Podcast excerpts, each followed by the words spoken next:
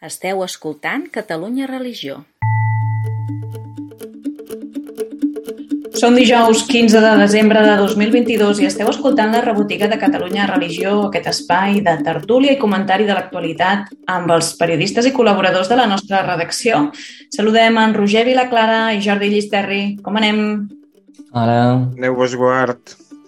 Que us plou aquí on sou vosaltres? Aquí ha passat. Sí, aquí també hi ha passat, però sí que venint ens hem mullat, diguéssim. Dia gris, uh, dia gris però ple de notícies, com sempre. Uh, no, però avui farà sol, diu. Uh, aquest dimecres, uh, tema del dia, heu fet, uh, Jordi, vas fer una entrevista a l'Anna Roig, uh, la nova responsable de comunicació de, de la Sagrada Família. Mira, I... de fet, la pregunta és que demà no plogui. Que demà no plogui. Clar, és veritat. Mm, hauran de... Hauran de d'afrontar d'alguna manera i s'ho trobaran. Que demà no plogui, perquè aquest divendres um, es farà una presentació pública sí, de, les, de les dues um, dels dos acabaments no? finals dels evangelistes a la Sagrada Família, Jordi, um, bueno, ho hem anat seguint i hem anat parlant molt, eh? Mm. De, de les novetats arquitectòniques, de com es va desplegant i va avançant no? la, tota la construcció de la Sagrada Família, sempre, els últims anys, no? motiu de Nadal, sempre hi ha hagut alguna sorpresa, alguna cirereta. L'any passat, recordeu, uh, sortint de la pandèmia, aquella estrella no? que va fer també, bueno, va, va ser portada a molts mitjans i en aquesta conversa amb l'Anna Roig parleu de diverses coses. Um, una també, tota la força comunicativa no? que, té, que té el temple i una mica la missió també, o sigui, com, com quan tens uh, aquesta possibilitat d'explicar l'Evangeli no? i estàs al, en un lloc clau de la ciutat, no? tot el que buscava Antoni Gaudí, com avui es pot fer es pot fer possible, no? més enllà de parlar del turisme i, i de, dels, mm. de les coses que sempre es vinculen a, a la Sagrada Família. De fet, hi ha, hi ha una part de l'entrevista que quan després ho vam comentar em va dir mira, millor això que no ho posis, eh, que evidentment no explicaré el contingut, però mm -hmm. era una part on ella aprofundia més amb, amb la seva, diguem, aquesta aquesta experiència personal doncs, de, com una persona creient i com una persona catòlica, doncs, de, a més d'aquesta dimensió personal, poder-la doncs, eh, projectar amb la seva feina i haver treballat doncs, a Càritas, on aquesta dimensió és totalment evident, però la Sagrada Família, que té una dimensió que pot semblar aparentment doncs, més, més, eh, més, no sé, més, més, més turística o més arquitectònica, més, més, més allunyada. O funcional, no? Pot ser. Sí, més funcional, mm. sí. Mm. Eh, doncs que al final el que estàs explicant és un temple eh, i que, per tant, per, per, per, per, ella, per ella això important, era, era important.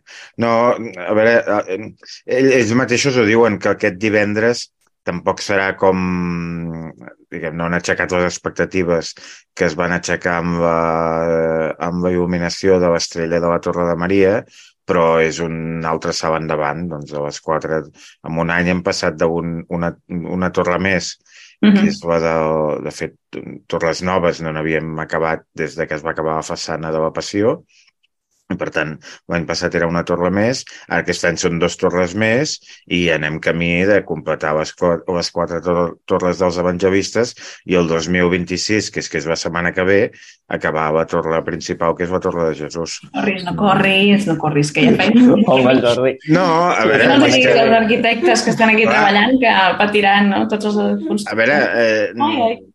no cal tenir gaires anys. En aqu... en, vull, vull dir, el, el salt constructiu visible que hi ha hagut els últims anys, el que hem pogut veure tots els que estem aquí, no es pot amagar, és que no, no, no, no té color amb el que amb tota la història de la Sagrada Família. I això ho estem veient nosaltres en, en directe, diguem. Mm. Mm. És que és fort que en dos anys s'hauran inaugurat tres torres i o sigui, després de no sé quants anys sense... Clar, amb 150 anys se'n van inaugurar 8 i, i, en dos anys se'n van inaugurat 3 Exacte. i en 5 anys seran les principals. És un signe de l'acceleració dels nostres bueno, temps. Jo el que diria és que el, el, a veure, també té allò que es, els, els que mm, vivim més o menys per la zona o podem passar per allà, doncs ja, de fet, clar, les torres no les pots amagar amb una cortina i ja es poden veure i el que hi haurà la, el divendres al vespre, quarts de nou, després del concert de Nadal de, que es fa dintre la basílica, doncs hi haurà per primera vegada la il·luminació d'aquestes dues torres, diguem, i, en certa manera, una, amb, aquesta primera il·luminació, doncs una inauguració, i després, com va passar l'any passat, tots els dies de Nadal estaran també il·luminades al vespre, i després doncs, entraran en la dinàmica habitual dels, dels horaris d'il·luminació d'acord amb els criteris doncs, de, de, de, de, de via pública i tot això, que no, no tindran tot el dia el llum obert, com la Torre de Maria, però hi haurà les hores habituals doncs, que, que es podrà seguir, la gent que divendres n'hi pugui anar, doncs que ho podrà, ho podrà continuar veient. -huh. un, un element que assenyales a l'entrevista amb el titular i que, i que afegeix i que afegeix aquest tema de, de tota la qüestió de l'àmbit social. Eh? És a dir, l'Anna pregunta no? què és el que, que faria Gaudí segle XXI en, en aquest àmbit. Sabem que bueno, l'Anna té tota aquesta sensibilitat, també ve de Càritas, vull dir que s'entén que planteja aquestes qüestions. Sí, però no, no és una idea que ell esté al del Barlet. Mira, com que jo vinc de Càritas, ara vinc a dir això. Entén, sinó no, que hi ha un treball de fons, part del treball... que es plantegen... Mm.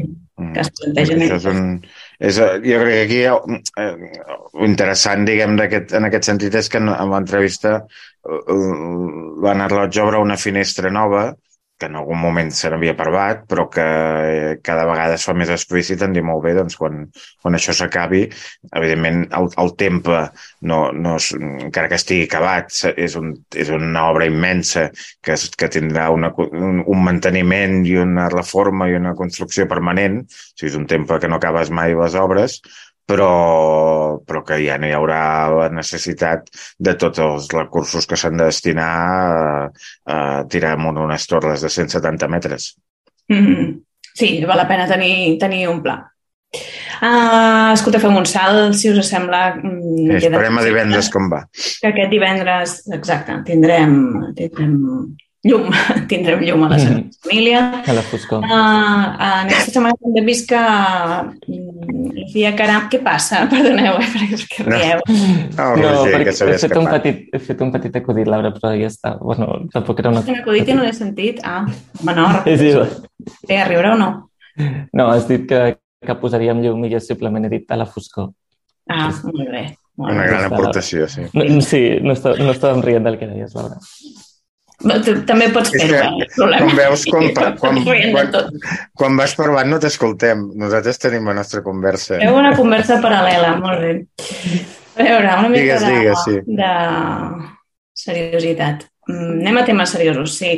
Uh, dèiem que aquesta setmana Lucía Caram no, fer una roda de premsa explicant uh, fent una mica de balanç no? de la feina que han fet en relació a la guerra a Ucraïna i l'atenció als refugiats bueno, una mena de, un, tot un suport d'acollida, però no només d'esperar aquí amb els braços creuats, no? sinó que també s'ha fet un enviament d'ambulàncies que són molt efectives no? perquè circulen sobre terreny i, i tenen la capacitat, doncs aquí deia, apuntava la xifra de, de que salva una mitjana de 100 persones no? cada, cadascun d'aquests cotxes i, aquests vehicles medicalitzats. No? Uh, la feina que fa Solucia Caram, arxiconeguda eh, des del convent de Santa Clara, que, que té tot un impacte, diguéssim, cap allà, però també hi ha la vessant, com sempre, no, de sensibilització i quan un surt i explica aquestes coses, doncs està bé posar-hi posar, rostre. En, en aquesta roda de premsa hi va haver el testimoni d'una refugiada que, que va explicar a la roda de premsa no? com, com se n'estaven mm. sortint també i, i com no havia estat té el suport de la, de la Fundació i, i pot tirar endavant doncs, amb el seu projecte vital. No? Mm. Jo penso que de, de la roda de premsa també amb el que ens quedàvem una mica, i va anar a l'Aina, però després en, ens ho explicava i ens ho comentava, i també el que va destacar molt la, la Lucía i que ho recollíem també en, en primera línia al, a l'article, és que no es, o sigui, ella deia no es tracta de recollir gent, sinó d'acollir persones, no? I ella posava molt l'èmfasi en, en això, de, en això, en el treball de la Fundació de, del Convent de Santa Clara, no? de que a més del corredor humanitari, d'haver transportat gent fins aquí o de tota la feina que s'havia fet amb, amb persones també d'aquí de Catalunya, no? que era una feina que, que era també d'atenció, no? de, de fer un seguiment, de fer un acompanyament, que no era una mm. cosa de d'aportar una ajuda concreta, sinó de, tot, de fer tot un seguiment i que va més enllà doncs, d'això doncs, d'un viatge d'Ucraïna aquí a, a Manresa, que, que ja és molt, eh, òbviament, però mm-hmm. ella posava com molt l'èmfasi en això. De fet, aquí sempre hi ha el tema de, de que l'Església com a institució tingui múscul suficient no, per atendre això al llarg del temps, perquè tu pots tenir un estiragot i, no, i dir, mira, ara mm. se'n parla molt, anem a tots aquí a fer la gran campanya i sí, i omplim les parròquies de roba i d'aliments i passa un temps i hi ha com una mena de silenci o d'acceptació de que, mira, això està allà, però... Sí. I, i te n'oblides, te n'oblides perquè els mitjans ja no hi aboquen, no? Tens eh, recursos, reportatges, el que sigui, no? És a dir, sostenir l'atenció en el temps és difícil, per tant, sostenir el que hi va associat, que és la, no? aquest nivell de sensibilització per eh, garantir l'ajuda a, a llarg termini bueno, l'ajuda, la, aquesta, aquest seguiment, no? Que, que sí. recordo com, Roger, com vam anar per, per Setmana Santa a parlar amb l'abat de Poblet, no? I tota la realitat que tenien també allà, que ells simplement van obrir, un, a veure, no simplement, no? que van fer adequació de l'espai, eh? però van obrir una porta a, a una entitat que ja treballava amb, amb Ucraïna de feia temps i, i la pena és quan es decideix no, que allò no, no continua, pel que sigui, perquè, bueno, això, perquè hi ha més escassetat de recursos, perquè ja no s'ingressen tants diners i bueno, què passa amb el llarg termini. I, i penso que aquí hi ha encert de, de com ha desplegat no, Solucia Caram i de, la capacitat de fer col·laboracions amb moltíssima gent no, i moltes entitats, institucions, perquè sigui sostenible, que és una cosa mm. que de vegades no, la il·lusió et pot portar, però bueno, sí, quan no, toques de peus a terra i això qui ho aguanta i durant quant de temps, no? I, I jo, crec que això, que... Mm. jo crec que això és un dels objectius, era un dels objectius també de la roda de premsa, en el sentit de... O sigui, ella també ho va dir, no? que, que saben des de, des de la Fundació que hi ha un cansament mediàtic sobre això, perquè és veritat que hem rebut com molts inputs, i des, passat un temps no, doncs, també es fa aquesta roda de premsa per donar el balanç de les dades, però d'alguna manera també com per tornar-ho a posar sobre la taula. I, és que... Sí, Jordi, digues, digues. No, dic, i, ara quan comentàveu això, eh, i, i, i, hi ha un problema amb, amb Sor Lucía i de vegades se va criticat per això, que quan, quan hi ha una crisi humanitària, un drama, una situació injusta i tal, de vegades el que fem és dir, bueno, doncs davant d'això què podem fer i pensem i tal. Hi ha gent que ja és més activa i el que diu és, diu, bueno, doncs davant, com ho podem fer, no? I pensem, veiem i tal. I, i la Lucía és d'aquelles que abans d'aquestes dues preguntes ja ho fa directament. Ja està endavant, sí. Ja, ja hi és. Mm. Ja, o sigui, més recordo al principi, al cap de quatre dies que esclatés el, la guerra i el conflicte, i estava allà. Llavors, això té el perill de, de que d'això, doncs, que sigui potser una mica desestructurat o una mica... Però al final és el, aquella idea que, era, la veritat no recordo, em sembla que era el títol d'un llibre que deia l'Evangeli insurgeix, no? Doncs uh, hi ha, una, hi ha un, unes persones que, que estan en una situació que necessiten ajuda, doncs hi anem i ho fem. Mm? Això és evident que de vegades pot, pot, pot, pot tenir les seves limitacions, però és que al final és dir, doncs, escolta, som-hi, fem-ho, i, i una mica, si, si, si tots féssim el mateix, potser el món seria una mica més caòtic i menys organitzat, però mm. segur que, que, que, que, que donaríem més resposta a les necessitats de les persones. I després, amb la capacitat de mobilització, i, i pre precisament per aquesta empenta que té, com que ella ja ho fa, una cosa és reunir-nos per parlar a veure què fem, però si un ja ho està fent i, i et truca o està al teu costat o et demana alguna cosa, no li pots dir que no. Mm, I amb això és com ell aconsegueix mobilitzar, doncs, si, si ha aconseguit que no sé qui envia una ambulància, doncs el següent que li demana ja, ja no li pot dir que no. Mm, clar, potser el lògic seria fer un pla de veure com traiem ambulància, no sé què, però no, primer en tenim una, ho enviem i després ja, ja vindran els 75 que queden, que a mi em sembla una, una, una xifra que és una barbaritat, 75 mm. ambulàncies enviades en, en pocs mesos en, en, en, en una situació com la que hi ha allà.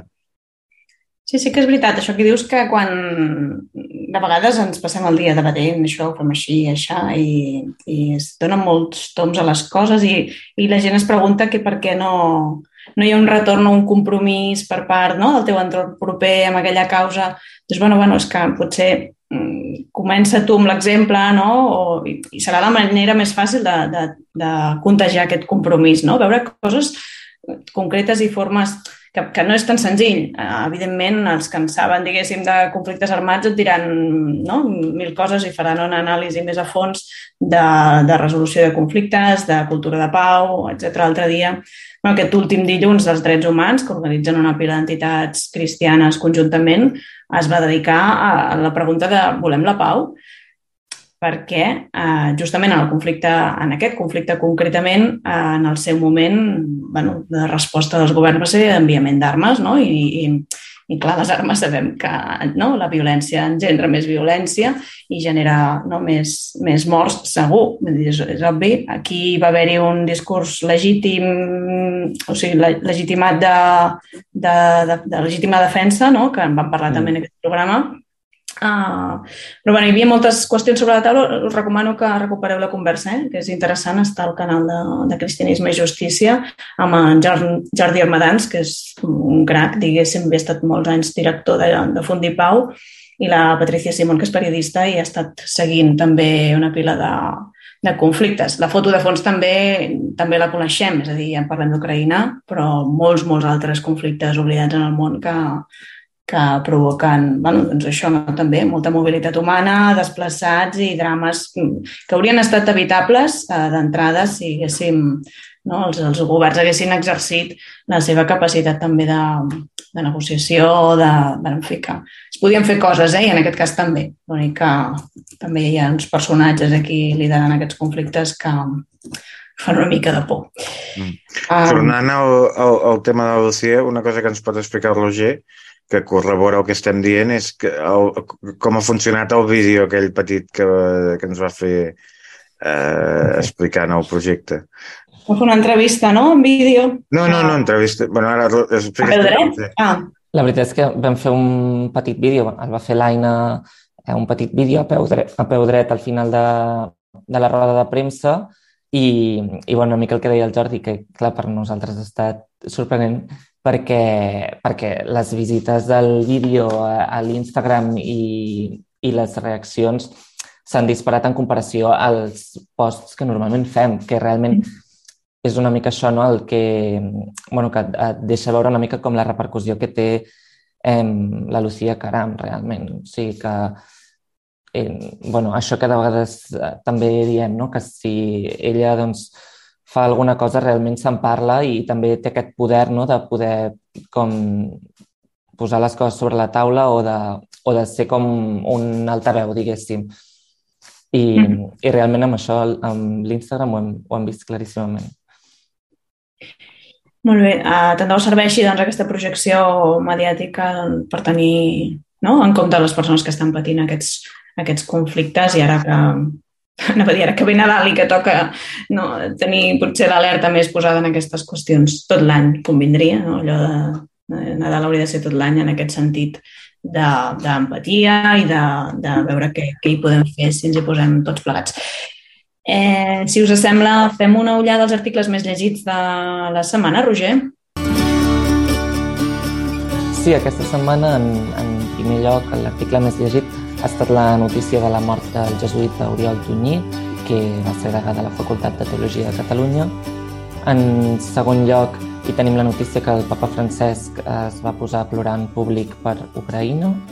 En tercer lloc hi tenim un article d'opinió sobre Jordi López eh, relacionat amb, el, amb la polèmica una mica que hi ha hagut del pessebre al Parlament de Catalunya aquesta setmana. En quart lloc hi tenim l'entrevista a, a Joan Baborés sobre el nou missal, la nova edició del missal en català. I en cinquè lloc hi tenim la notícia que parlàvem a, a l'inici de, de la rebotiga sobre la Sagrada Família, aquesta conversa amb l'Anna Roig. Molt bé, comentaris, apunts sobre aquests articles més llegits. No, jo sí que vull dir una coseta fins i tot més personal del vídeo aquest del papa.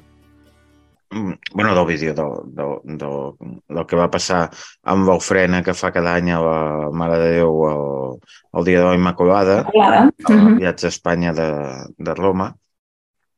I a més es va agafar doncs, això el dia aquest festiu enmig un pont i tot això i tampoc era un tema que tinguéssim previst explicar especialment o potser trauran alguna foto quan hagués passat o alguna cosa que hagués dit però clar, quan, quan va ser primera a la tarda i quan, com que tots els, els actes del papa doncs els tens al YouTube eh, sencers i tot això doncs ho, ho pots veure i llavors vaig veure això, que hi havia hagut aquesta situació eh, del papa emocionat i realment és un vídeo que impressiona. O sigui, jo convido...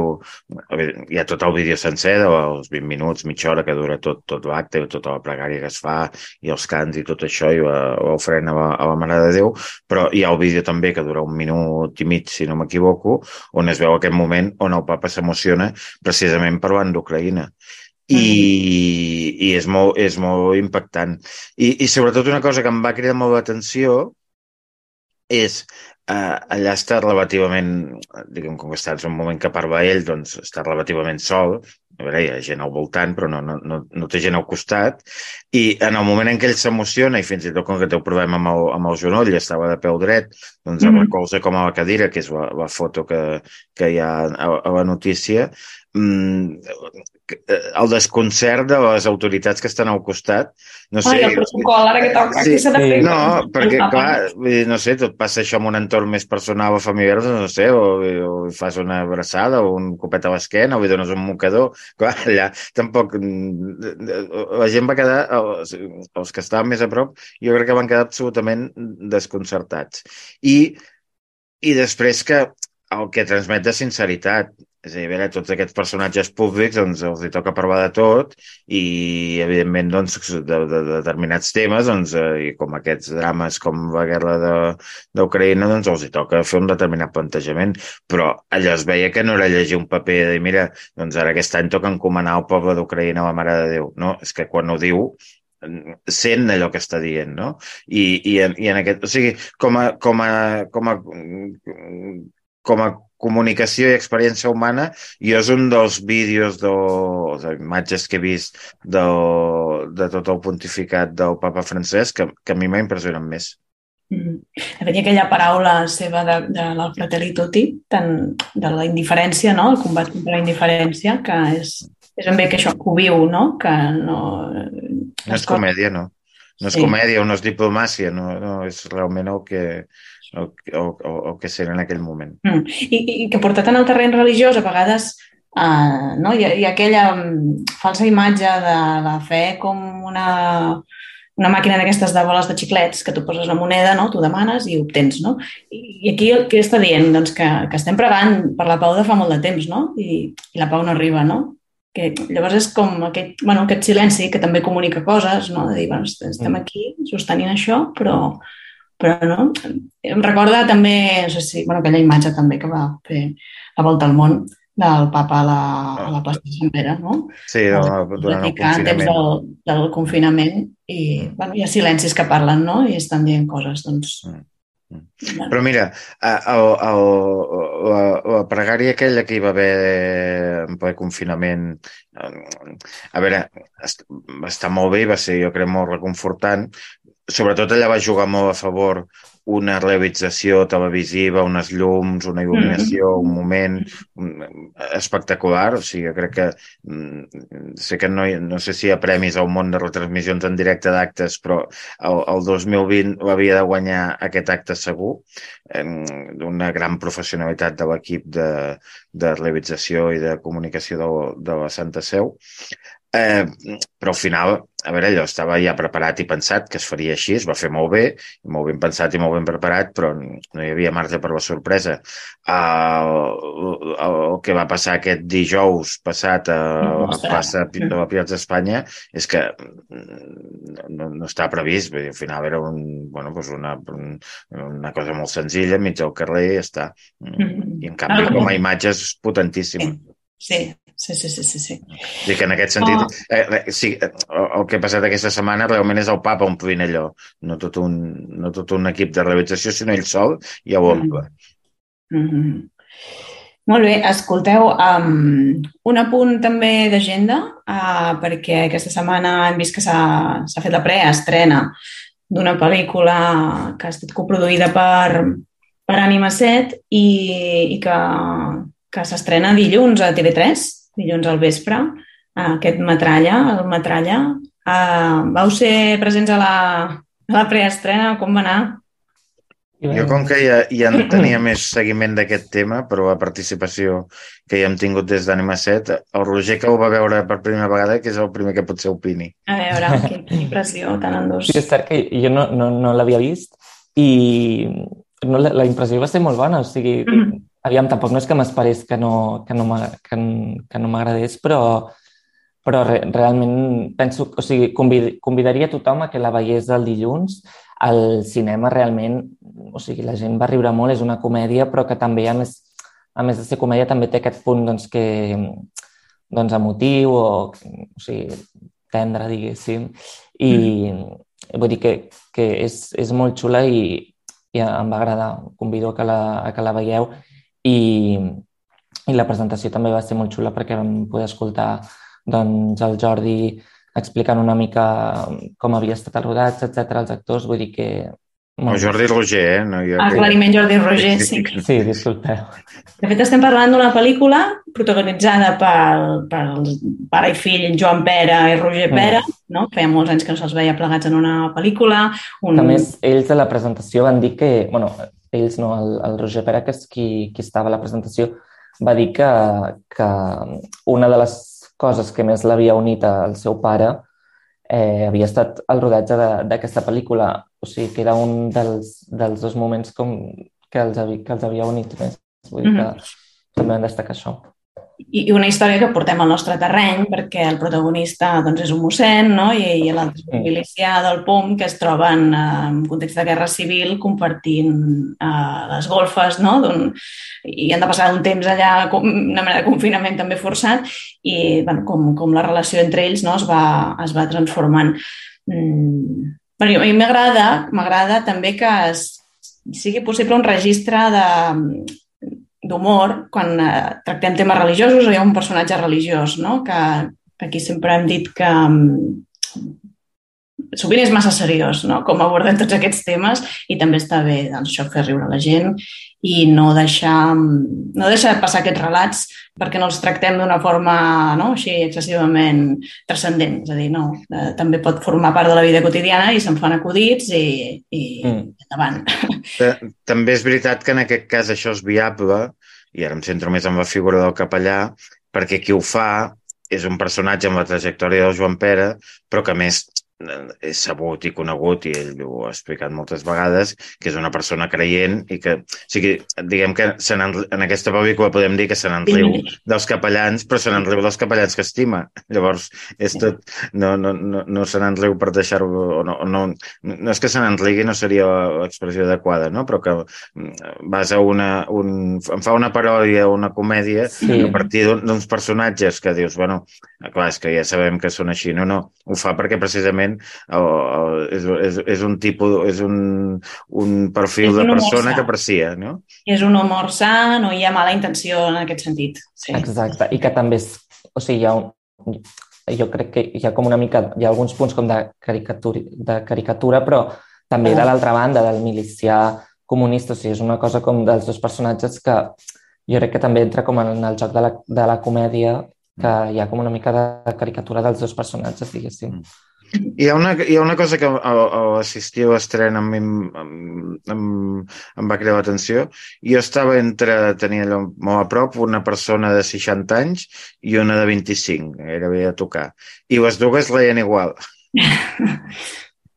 I de fet, la de 25 tampoc tenia el coneixement de Joan Pere i tota la seva trajectòria. Sonava, però no, no, no era un personatge tan conegut com pot ser per altra, per altra gent que ja tenim uns quants anys més, no? I, i les, dues, les, les dues generacions van disfrutar, i fins i tot jo, jo crec que un, fins i tot doncs, un públic una mica encara, no diré infantil, però adolescent o postadolescent, també hi pot entrar molt bé aquest, eh, aquest, eh, aquesta història.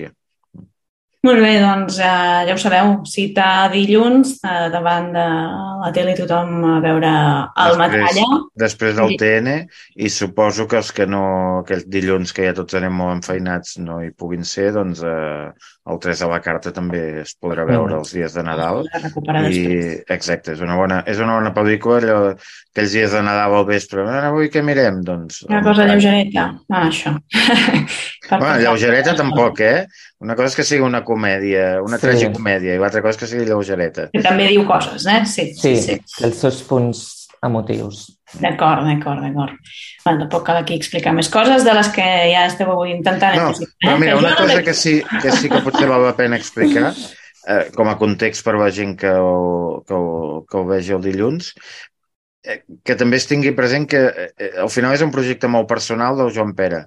És a dir, la, la, després, evidentment, hi ha hagut un equip i, el, i això s'ha convertit en una pel·lícula sota la direcció del Jordi Roger. És un projecte que ha tirat endavant TV3 com, com, com a, com a, com a, com a, com a emissora doncs, que, que, que vol promoure aquesta pel·lícula, però eh, el, la idea inicial, el, el motiu, el, el, el que porta a fer aquest, aquest metralla i aquesta història d'un capellà i un milicià és, és una idea de Joan Pere que, que, que, que a més és una idea de fa anys, no és allò que, mira, un projecte dels dos últims anys, vam, vam fem un equip i tal, no, no és un projecte de, de fa anys i que finalment doncs, eh, veurà la llum el, públicament el dilluns. Mm. Mm -hmm. Ha estat un, un part molt lent, no? Sí, sí. Molt bé, uh, escolteu, podríem anar tancant, però abans sí, una cosa important, que és que uh, aquests dies els subscriptors o lectors que han fet la petició del Catalunya Religió en paper l'han hagut de rebre a casa. O sigui, número de, de Nadal, tema de portada, nois? Eh, Eh... Jordi, Jordi. No, no, està pensant... No és que no me'n recordi, bueno, també podria ser, però no és que no me'n recordi, sinó estava pensant com explicar-ho. No, ho hem centrat en, en, en la veu que es dona als pobres entre l'Església. Mm -hmm. De fet, haguéssim pogut, com sabeu, recollim coses que hem anat parlant o durant les últimes setmanes a Catalunya Religió i, i del voltant doncs, del tema d'acció social de, de, del, del món confessional haguéssim pogut posar moltes coses. I, i, i de fet cada número ho podríem fer sobre què fa, què fa l'Església o la resta de confessions per ajudar la gent en situacions de pobresa. Però en aquest cas sí que ho vam escollir perquè hi ha aquest pas que de, de passar doncs, bueno, d'ajudar o d'estar o, de, o de fer projectes amb la gent en situació de pobresa a passar a donar la veu als pobres. I això era el, projecte aquest que ha promogut el papa francès des de tot el que és aquest procés d'escolta sinodal i que aquí doncs, mm, hi ha tingut també molt protagonisme tot el que és l'Hospital de Campanya de Santana, la Teresa mm -hmm. Forcades, que és una que a nivell internacional, una, una de les persones que a nivell internacional ha coordinat això, que això, de fet, ho coneixes millor tu, Laura, que jo, però que, mm, és, és un pas que sovint no s'ha fet, és a dir, escoltem els pobres. També, per exemple, coincideix amb una altra recomanació que podem fer avui aquí, que és un, un llibre que ha sortit ara a l'editorial Coret, que és uh, una entrevista que, que li fan els pobres, el, gent, gent pobra que li fa el papa, Mm. Entrevista de què li preguntarien, no? Que, bueno, es va fer allò que li preguntarien, ell ho va fer, però llavors també hi ha un... No només va ser una qüestió escrita, que va participar diversa gent, sinó que hi va haver una trobada on aquestes preguntes se van formular directament i tot això s'ha recollit en format de llibre, no? Clar, és un, és un, no només atens les persones, sinó que escoltes les persones. I això potser és el, que, el plus que sempre pot afegir l'acció social de l'Església. Mm, acompanyament humà. Bueno, que nova edició paper ens hem sentat aquí. Que, com molt, deies tu, Laura, com més com que està escrit, i està més escrit que com ho explic, més ben escrit que com ho he explicat jo, ho podreu trobar, ho Anem podreu trobar imprès i la gent doncs, que, que ens ajuda a la Fundació i Corre a casa i els que no doncs, ho trobaran a les parròquies i llocs de culte de Catalunya o entitats que distribuïm l'edició paper. Mm. Molt bé. Molt bé, doncs escolteu, eh, deixem aquí la rebotiga d'aquesta setmana. Gràcies per escoltar-nos. Un cop més ens veiem d'aquí, ens sentim, ens escoltem d'aquí uns dies. Gràcies Jordi Misterri eh, i Roger Vilaclara. S'ha convidat també una servidora, Laura Mort. Fins aviat. Fins aviat. Laura.